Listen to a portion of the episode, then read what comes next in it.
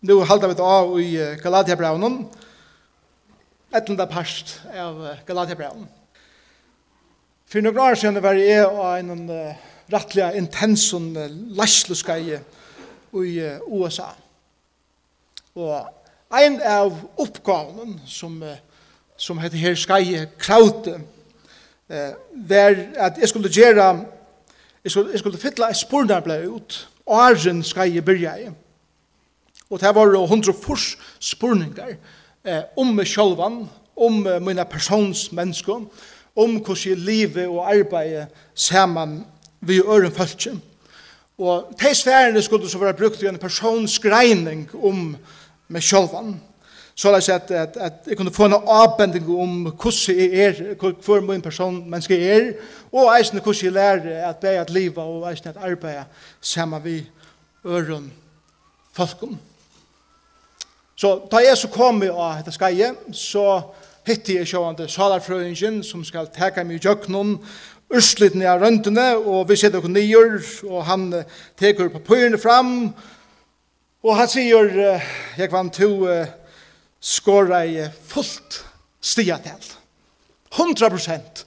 Tutsi av tutsi. Fantastisk sammen.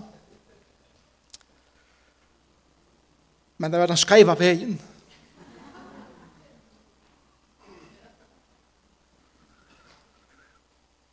Og her stod jeg helt alt stod så utrolig vel til til meg. Jeg helt at jeg var som personer som var bare simpelthen som litt latter at livet sammen vi og arbeida sammen vi og jeg helt at min personsmann skal være bare hun rula jeg bare. Inntil knappt jeg fikk en kjelkande kjelkande innlit inn i verleggen av meg selv og for i vær. Jeg har mett meg selv så høgt, og jeg har sett meg så høymal i løyven at ikke mennesker kunne klare det. Og vet du hva jeg fikk å vite? Jeg fikk å vite fra sosialarbeidningen, og han, han sette en iverskrift i hvor det var, og han sier bare, du er et perfect fake Du er helt og aldeiles og ektaver. Det var sånn karlags omfevning som vi fikk han det der. Min sjåls oppfædan, min sjål, og min fædan av livet hun hadde tidsi, var pura falsk. Han er ikke ammen her, han er ikke ammen til han her. Jeg bare sier at det er et godt høver til tikkene, så jeg vet ikke pastor. Nå kunne dit si at det er til visendalige prekva at det som er er rettelig forstyrra over. Pum, utvegjen om. Ok? Hvis du vilja det her. Østlig det er hos personsgreiene vær, som vi sier, øyne kjelkande, og avdudsingen av verleggen vær faktisk byrjanen, allikevel til en tilgång til min løyve hver, jeg halde at det falska og det oekte, um, byrja i av å pilke av hese iveflatene som jeg hei, fyri er det ekte jeg, og at det innere kunne komme mer og mer til skjøntar. Um, det er en pynefull fer, det er en utrolig god fer, det er en fer som vi enn er i å. At læra heter, at ståra seg det året og hvordan skriver man er mennkene, men eisen er vi er glad for at man begynner å sitte at her er allikevel noe ekte innenfor som er vekkost, og og som er godt, og som er ekta. Og jeg sikker vi alle er her på øyne nekka mater, det er nek skreft i akkurat liv. Men det er eisen nek veldig vekkust i akkurat liv. Og, og, og den prosessen er veldig områdende. Jeg sikker at dette var et av teim og tingene som eh, Galatiumenn, eller Galatiofolk struttes vi. Og det var dette strøye vi, vi lovene, mens til at Paulus skriver til noen mennesker som han älskar otroligt högt som kommer att känna Jesus Kristus som tar frelsere. När lovlærere kommer in och tar hava tar hava vänt heimen attor til det gamla som de var frelst fra, og tar personlighet, og, og, og tar hava mat at, at oppfæta verlegene på, blei rettelig forskruaver av det samme. Og til, til det som jeg halte, ta i hugsa om, altså, eh, eh, røndene som jeg tok, som oppenberer verileikan er man sjolvun, lujtjes rattliga nekv, tog som galatimen struttes vi, hvis vi samanbera lovuna vi eina persons greining, loven som galatimen rønda livet opp til, er eh, en lov som hever 613 bo. Loven er gamla som heter Torah, hever eh, 613 regler, eller bo, som skulle haltast, og de skulle haldas til fullnar. Paulus sier vi galatimenn og i galaterbraunen at om tid klarer at halda lovene til fullnar, så er tid et perfect fake.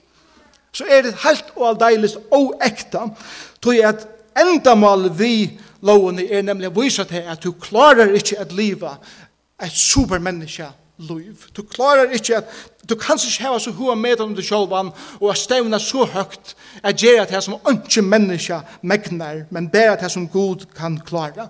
Og det var akkurat hui de dumpa. De røndu og røndu og røndu og det er sjálfsfætan og det er fætan om Gud og eisne om verlegan heller tidsi var blivit så forskrua at de dumpa og så digilevi i hesson jeg skulle røyna liva upp til lovna fyrir at vi er rattforskjørt, fire gode. Toi, de, kom alltid til et her at hoksa, let dere røyna, let dere halda bøyene, let dere omskjera, let dere halda, let dere halda det tutsi bøyene, let dere brøyta medvenner, let dere halda hese halvdjedeene, og så eisne hine 600 bøyene, eller, eh, avsetningene som var givner i lovene, så er alt godt, hvis vi klarer det. Så kan Gud ikke kreve mer av oss, tog jeg vil gjøre alt det tingene. Og nå skal Gud bare sørge fire, at ta imot mer. Hette er det som de strøyes vi. Og, og, og det skal vi lese fra 3 kapittel, vers 12, at de slo på Galaterbrevet. Og, og, og, og for en og fire hva det er som Paulus røyner å si vi Galatiemenn. Galaterbrev kapitel, kapitel 3 og vers 12. Her sier Paulus såleis,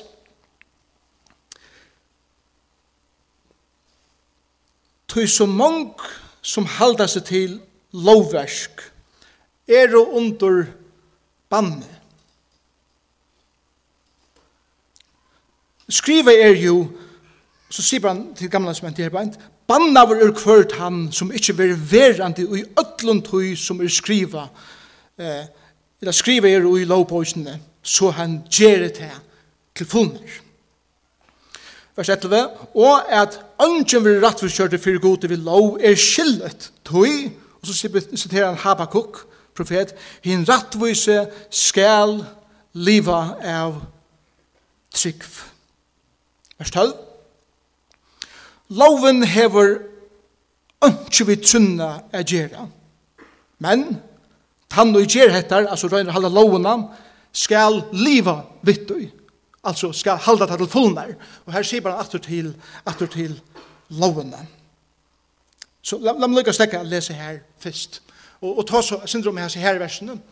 At her er vi, vi er sett seg fire, at jeg skal røyna gjøre noen ting, og ta i klare gjøre til her, så får god til teka måte mer.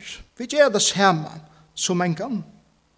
Da jeg prater med folk, og jeg hittir at man sjálf med korset, så kommer man langt inn i samtaler med folk, og at her kommer av varnen, og til folk som har tro av Jesus Kristus, til folk som har sett sitt og alida han, Men allikevel, så strøyes vi vid, vid her at livet opp til noen ting, ta i vi si til lømmes.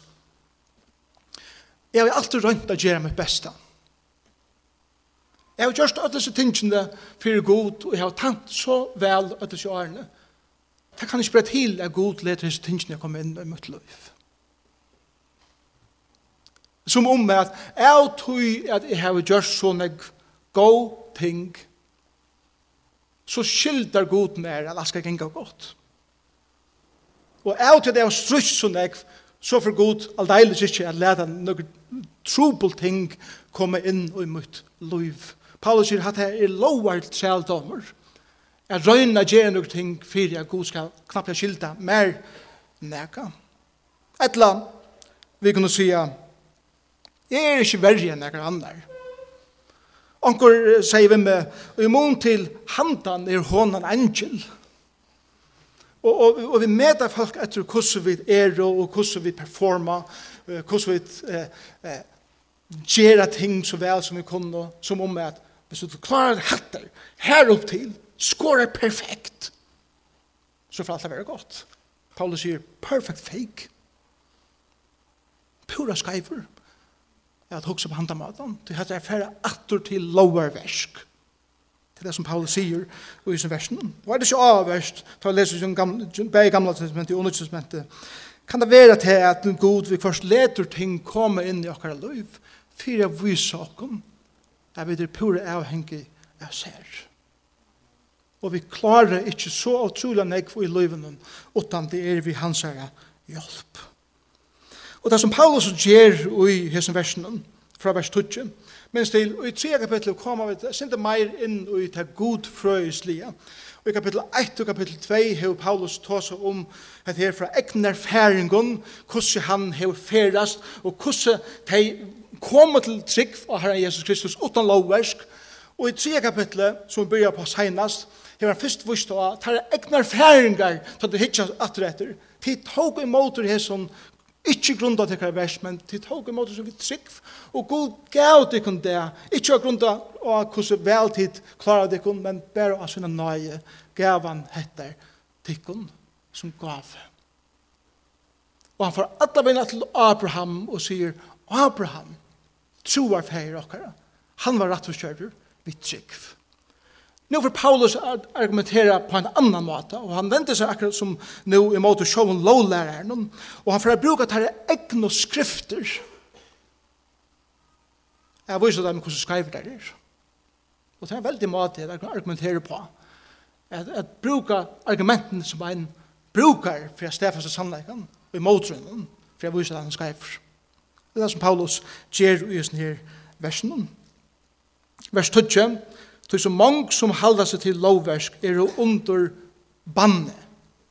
Det er det første som han sier. Han fer attur til lovuna og versene i gamla som heter viser at det som loven velja lærer er til at om ein røyner at vi rattforskjørter eh, vi verskun så er du faktisk forbannar. Du er stømter, du er under banne. Og så sier bare han til 5. Mosebok 26, 26, her bare banna vår kvørt han som eh, ikkje veri verande i ötlund hui som skriva er ui lovbøkene, og han gjer det til fullnar. Og det som Paulus sier er det at sjálf gamla testament lærer at loven krever at ötlbøyen skulle haldast alltid og alt luive.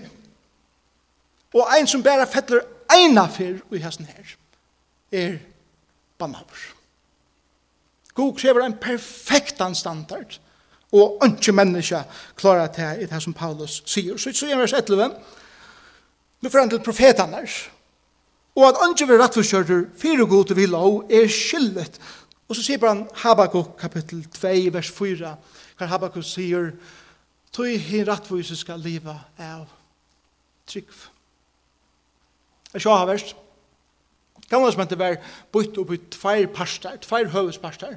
Det var loven, det første fem bøkene, og så profetene. Og det var fra eh, Josva og resten av gamla som hette. Det var alt gamla som hette. Jesus brukar det sjálfur ofta, loven og profetene sier. Og, og til akkurat som Paulus sier, alt gamla som hente, det er loven og profetene, samla, læra. at det ikke vil lov at ein vil rett og men det er vi trygg av Jesus Kristus Nustan ta kjem loven er djeva meining, det kom jo til uh, en ærere tale. Så det som Paulus suggerer i tølta verset, la oss lese tølta vers, loven hever ønske vi sunne er djeva. Så at han som vil liva av lov, han gjer det, og han skal liva og i tøy. Eh, altså, jeg, jeg føler akkurat som at jeg, ble, jeg har endur hyggje med sjåvan så nekv, og jeg gjør noe så etter uttalen her, Hade finnst det vi at ein vil ikke rett og kjører av lovaverskene. Hade finnst det vi at håndene. Paulus er akkurat som nelt at vi jeg har hos jeg 20 tommer, men jeg har hos jeg 20 tommer, sier jeg, jeg har snakker et så leis, men lov og nøye genga ikke hånd i hånd til det kommer til rattvurskjering i for gode. Paulus vil stafast etter, han vil ha å kunne få etter inn, tog at hvis vi ikke får et her inn, først her, og så her, og ut i fingrene der, så får ikke av tusen kommer at han har er gjøre mening. Hvis vi får først hette stafast, så får det være nek lattere at livet til kristna liv. Og her sier han til, til Simos Mosebok, 8, 5, og han sier, hvis du skal leve til lov, gjør det sånn ikke har klaret det. Og så heldur at du klarer det, så er det perfect fake. Du er, du er fullkomlig skyver. Du er loven fordømer, loven banner. Loven krever fullkomleika. Loven viser menneskene av sin sånne støv og teier til at du er under en banne. Loven stafester at du hever bruk fire einon frelsere.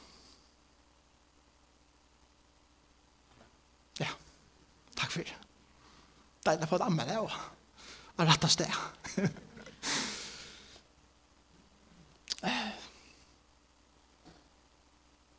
det er så tablet. Jeg røyner og røyner og røyner og sier, jeg skal røyne og føre meg så vel som jeg kan til, så for god helt sikkert. Jeg går til ham. Det fer han ikke. Han går til å bære sin sånn. og til djøkken hans er son vi kommer til god. Ongan anna vi. Det er ongen, ongen. Det er ongen anna vi er til god. Enn djøkken Jesus Kristus. Og, og, og Paulus vil hava okkuna føle at vi er fordømt.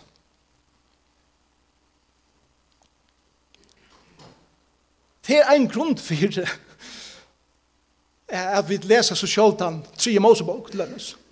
Hvordan jeg kan tekne at på tre Mosebok jøkken øyne ofta, det er ikke det, det er krokken i. Men, men det tror jeg at vi får det spekkelig opp, kan man si, wow, det klarer ikke å leve opp til, nemlig.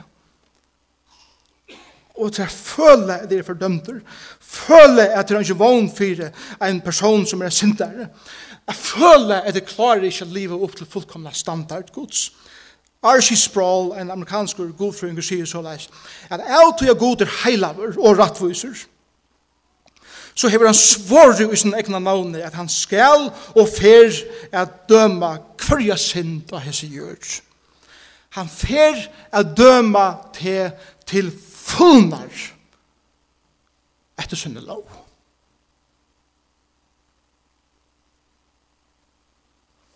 Her er ikke ammen her. Det hadde ikke gått. Hadde ikke godt sitat. Ja? Men sitat er ikke livet enn. Kanskje bare gjør alle gjort. det sier, og enda så leis, «Utan er det ein som teker tøyt sted». God fordømmer det til fullen der etter sin lov, utan at det er ein som teker tøyt sted. Hatt det gått til Amen. Ja. Og det er vers 13 og vers 14. Jeg må lese det. Kristus kjøpte okken leis undan bandet lovarenar. Han vær band fyrir okken. Du skriver er, og sier at til låna, siterer han, banna var kvørt han og hungur og træge og kjørstam fire et sikning Abrahams, han tar seg jo om Abraham i konteksten, kunde og i Kristi Jesu komme iverhetningene der, så vi, vi trunne kunne få hele andan og i lova vår vær. God hei lova at vi skulle få kraftene at livet til nødja liv. God sier ikke bare så leis at, at Gjørs vel, her er nødt liv, drøy noe liv der så vel som du kanst. Det er så kommer det alltid til lov. Men det er at leve i kraft heilig andans. Det er det som er innskje, og her er det som skal til for at du skal kunne leve til løyve, gjør så vel, heilig anden. Det er det som vi får fra hånden. Paulus sier bare til 5. Mosebok 21-23, han sier, banna over hvert han, og vi hunker at tre». det er et øyne avhåret vers, som vi kunne gå brukt nega tøy av, og i, men for ikke gjøre det her, Det var en stor skam i gamla sementen. Visse kruksfengar til dømes var tikkner, og det var ripner, at det var hongter på et tre, eller på bojarporser, eller bojarmuraner, som åpenbering av at vi tar sikra og tider taberner. Det er gjerra skombors ur en menneske, at henga det av et tre. Men hva gjer gamla sementen? Her, 800 år av Jesus Kristus kom, Det peikar fram til at ein dag skal ein maver komme, og han skal henge an en treje. Han skal ikke bære sin egen skam, han skal bære tøyne skam. Og han skal være gjørt til skam fire, at tøyne skam kan være tidsen av tøyne herren, og han legger han av sin egne herrer. Ta og han lærer seg henge av krossen, og han lærer seg negla og tjøkken hender og tjøkken føtter fyrir okkara, okkara synd, okkara skam. Han tog det av sin egna rygg, og han tog bann loverne, og han tog vreie Guds av seg sjolvan, og han kjøpte menneske leis. Og det han sier her bare ikke i vers eh, 13, han kjøpte. Her er det år som, som er vanlig brukt av en tjela marsknei. Så ikke fyrir dere, og imenne dere en mann som er en tjeler tja en være grommen herre. Ein dag en fyrst så fyrst herren, vi tjelen og av tjelamarsna en for seljan til haksbjørn. Og dette var en vanlig mynd av heimen døven. Dette var nekka som Jack Fyrisen, eh, som i dagligdelen, onker selde bananer og onker selde tjeler av tjælemarskene, eller av marskene hele tiden. Nå kommer ein andar herre, hesen er gover herre, og kjeper henta tjælen betale for ham. Og da han har gått til fire hendet tjelen, så, så teker han tjelen og først stav inn, og så stekker han av og sier, gå ut tjeler, jeg har kjøpt det. Tvers mine øyne. Jeg eier til henne jo. Mine tjeler. Gamle herre, han er ikke valgt at her langs. Og sjalt om du hører hans rødt, vi først råpa etter der, og så videre, og du har reageret, han er ångan myndelag i mitt her langer. Jeg har kjøpt det. Jeg har betalt for det. Han har ikke sier til henne livet langer. Du er som min åken, og jeg skal teka meg vel av ter. Du er som frye tæler. Jeg skal ångan det selja det av noen tælermarsnei. Sjalt at du ikke orskar å arbeide meg, sjalt at du var en gammal, skal du være min. Mitt heim er tutt heim, mitt bor er tutt bor, mitt hus er tutt hus, mine okner er tunnar okner. Jeg skal være til en elskande herre, jeg skal være til en govor viner. Hette det her som tar mynden som Paulus brukar om hvor Jesus er i akkurat livet. Jesus er kommet inn og at sæla marsknaen. Han har kjøpt okken leis vi som egna døyra bæra blåve. Vi som er syndarer, han som er frelsare, er kommet inn at salamarskene, han har kjøpt okken, han har tidsj okken til suje, så han sier, tvers mine, og tvers mine okken. Her som gamle herren, som åtte det før, hever ønska sige til en liv langer, ta et høyra råpa, ta et sars kløttene kommer fram, minst til tvers mine, ikke hans herre. Mitt hus er tøyt hus. Mitt heim er tøyt heim. Mitt bor er tøyt bor. Mine okner er tøyne okner. Jeg skal være til en elskande herre. Jeg skal være til en gåvor viner. Det er det som Herre Jesus sier. Vi okken er. Åh, vi er så dårst kjept, kjære samkommet. Vi er så omedelig durst kjept av akkurat frelsere. Hugsa det kun hva det kostet i Jesus. Han som var utan synd, måtte bæra atla synd. Han som var fullkomna reinor, var gjørtur og regnor. Og i Gethsemane var han, og i svarare engest bæge andalega og salalega. Han kjente svian av at være svidjen av sunnen nærmaste. Han var falskt og akkardur romerske hermen spytte av han, slå han ved jadnstave, tok og eh, reimar vi pyken og, og huflongte han så at pykene skratt og holdt hans, hans her opp. Han bærer sin egna kross og han hokna i undan krossen hon. Han var neldur i kjøkken hender og han neldur i kjøkken føtter.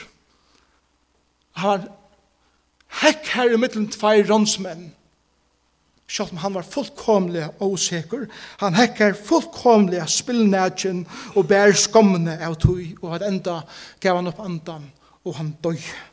God tog sjølver straffene, og ørste alla hemsens synd iver sin egna son. Det var okkara synd og han bær. Det var okkara straff og han tog av seg sjølvan. Det var okkara domer i fall av han. Det var okkara deia han døy. Men det var okkara til rettforskjering at han reis opp for henne deia. Hoksa deg. Alt tatt der. For jeg kjeipa te og te og te og te og te og okkara ødel. leis. Leis.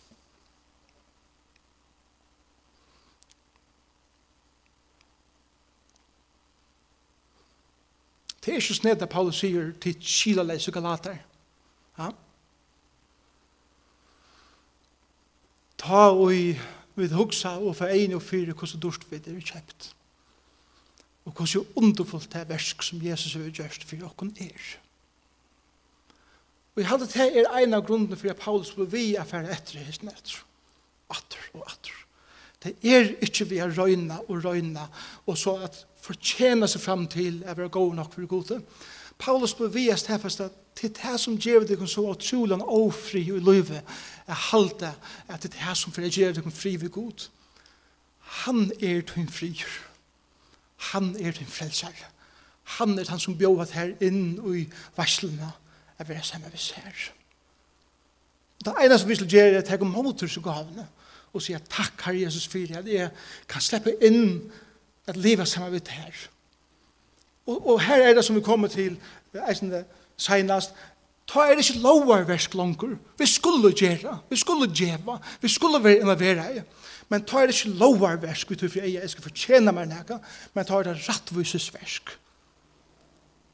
Jeg er det rattvuser. Og jeg har finnet kraft at henne. Jeg har finnet gaver at henne. Og Og det er helt naturlig for meg at gjøre det til de elskjende personen som jeg vet først elsker jeg med. Paulus sier at det er bare en som er helt lovende til fullner, utan å være et perfekt fake. Og hva er det? Det er Jesus. Du kan spørre til ham, du kan spørre meg selv om Hvor er tøyn sjåls fætan? Og tøyn fætan er av løyven og Tøyn fætan er av gode. Om du skulle fære gjørst av sånne personlighetsrøyn som jeg gjør det, som det kanskje flest jeg har gjørst, kanskje hadde det ikke klart det så ytla som jeg gjør det. Kanskje det er, er det ikke feik som er vær. Men støv okkar er han at ønsken av okken er som vi eier av vera. Ønsken. Vi ødel røyne at livet opp til forskjellet. Vi tror for eier at stafesta et eller annet, for jeg skal føle meg bedre. Og det er som så ikke gærlig ut i at gjøre gode ting og å føle seg vel. Men det kommer til dere forhold til god. Ta sier jeg pjørs. Det er ok. Elsk akkurat som det er. Jeg har kjørst alt for det. Jeg har lovene til fullmer. Fullkomna i lovene. Og ikke bare fullkomna i lovene, men jeg tok eisen til som loven kravde. Jeg tok en bann. Det tok jeg meg selv. Det er ikke fantastisk. Det er ikke fantastisk bådskaper. Jeg hadde bare finnet han herfra, og meg er nye herfra. Min fer fra å være a perfect fake er en fer som er i A enn det. Jeg ble mer åpen og ble mer ærlig om mine kjøls fætan og fætan av løyven hele tiden. Det er i høver, vil jeg sagt, en øyne hør vi først og pynefødt fer vi først. Samtidig så hjelper henne ferie med å sitte hvordan tablet det er at røyne at være supermenneske som man ikke klarer å leve opp til samtidig som det gjør meg til en meira fralsan, en meira glean, meira frifotlan person i min liv. Så, som i ende, så er det fyrstende vers, som sier, for jeg sikning av Abrahams vi Kristus, eller vi Kristus Jesus, skulle komme i overhetningene der, og eisen for at vi, kunne, vi trunne kunne få andan som lov er vær.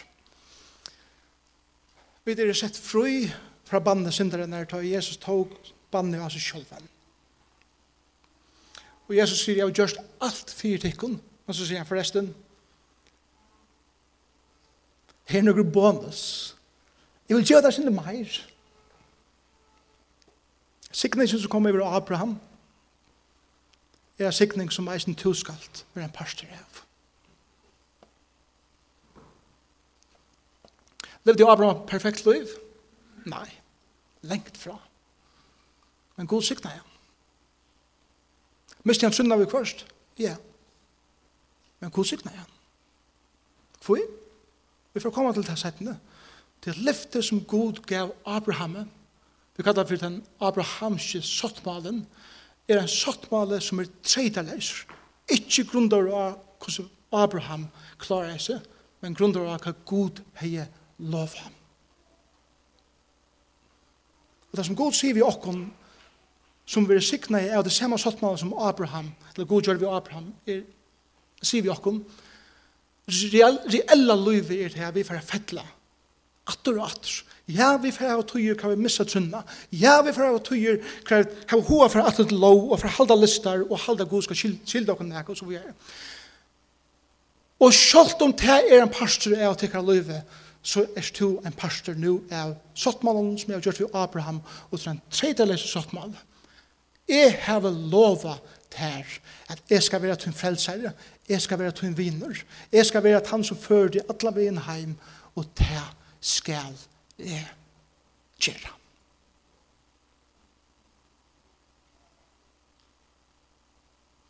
Og så sier han forresten, jeg har givet dere min son, sier ferien, la meg gjøre kom la meg gjøre kom min anta, hele antan. Og vi hele antan får vi et Guds liv inn i okken. Vi får gaver som han har givet okken at utinna rattvises versk vi. Kraften at liva okkar loiv til ære for Jesus. Og han teskar i okkar øyre atter og atter at ta ui til en gamle herre, Satan, til ringa samveskan, minnene om hvordan det var fyrr, og trela bondene som var av meg. Ta et her, råpa etter der atter, så skal du sija så leis.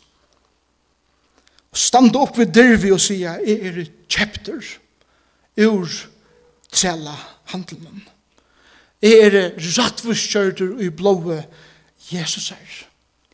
Jesus tok mot sted, ta han døye for meg og mine synder av krossen. Jeg er frelsor og jeg høyre Jesus til.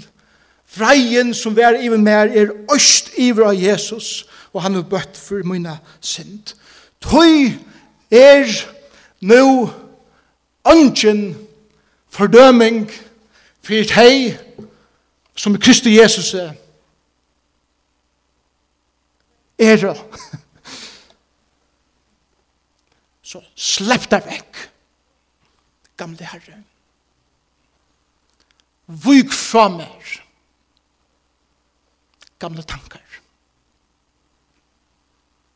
Vik fra meg kjenslan av å røyne leide at det som er bjergar fra. Det er under en tredje tidelig som søttmåla, som kviler av gudsliften. Og jeg finner ikke kraften av heilandan, Et livet.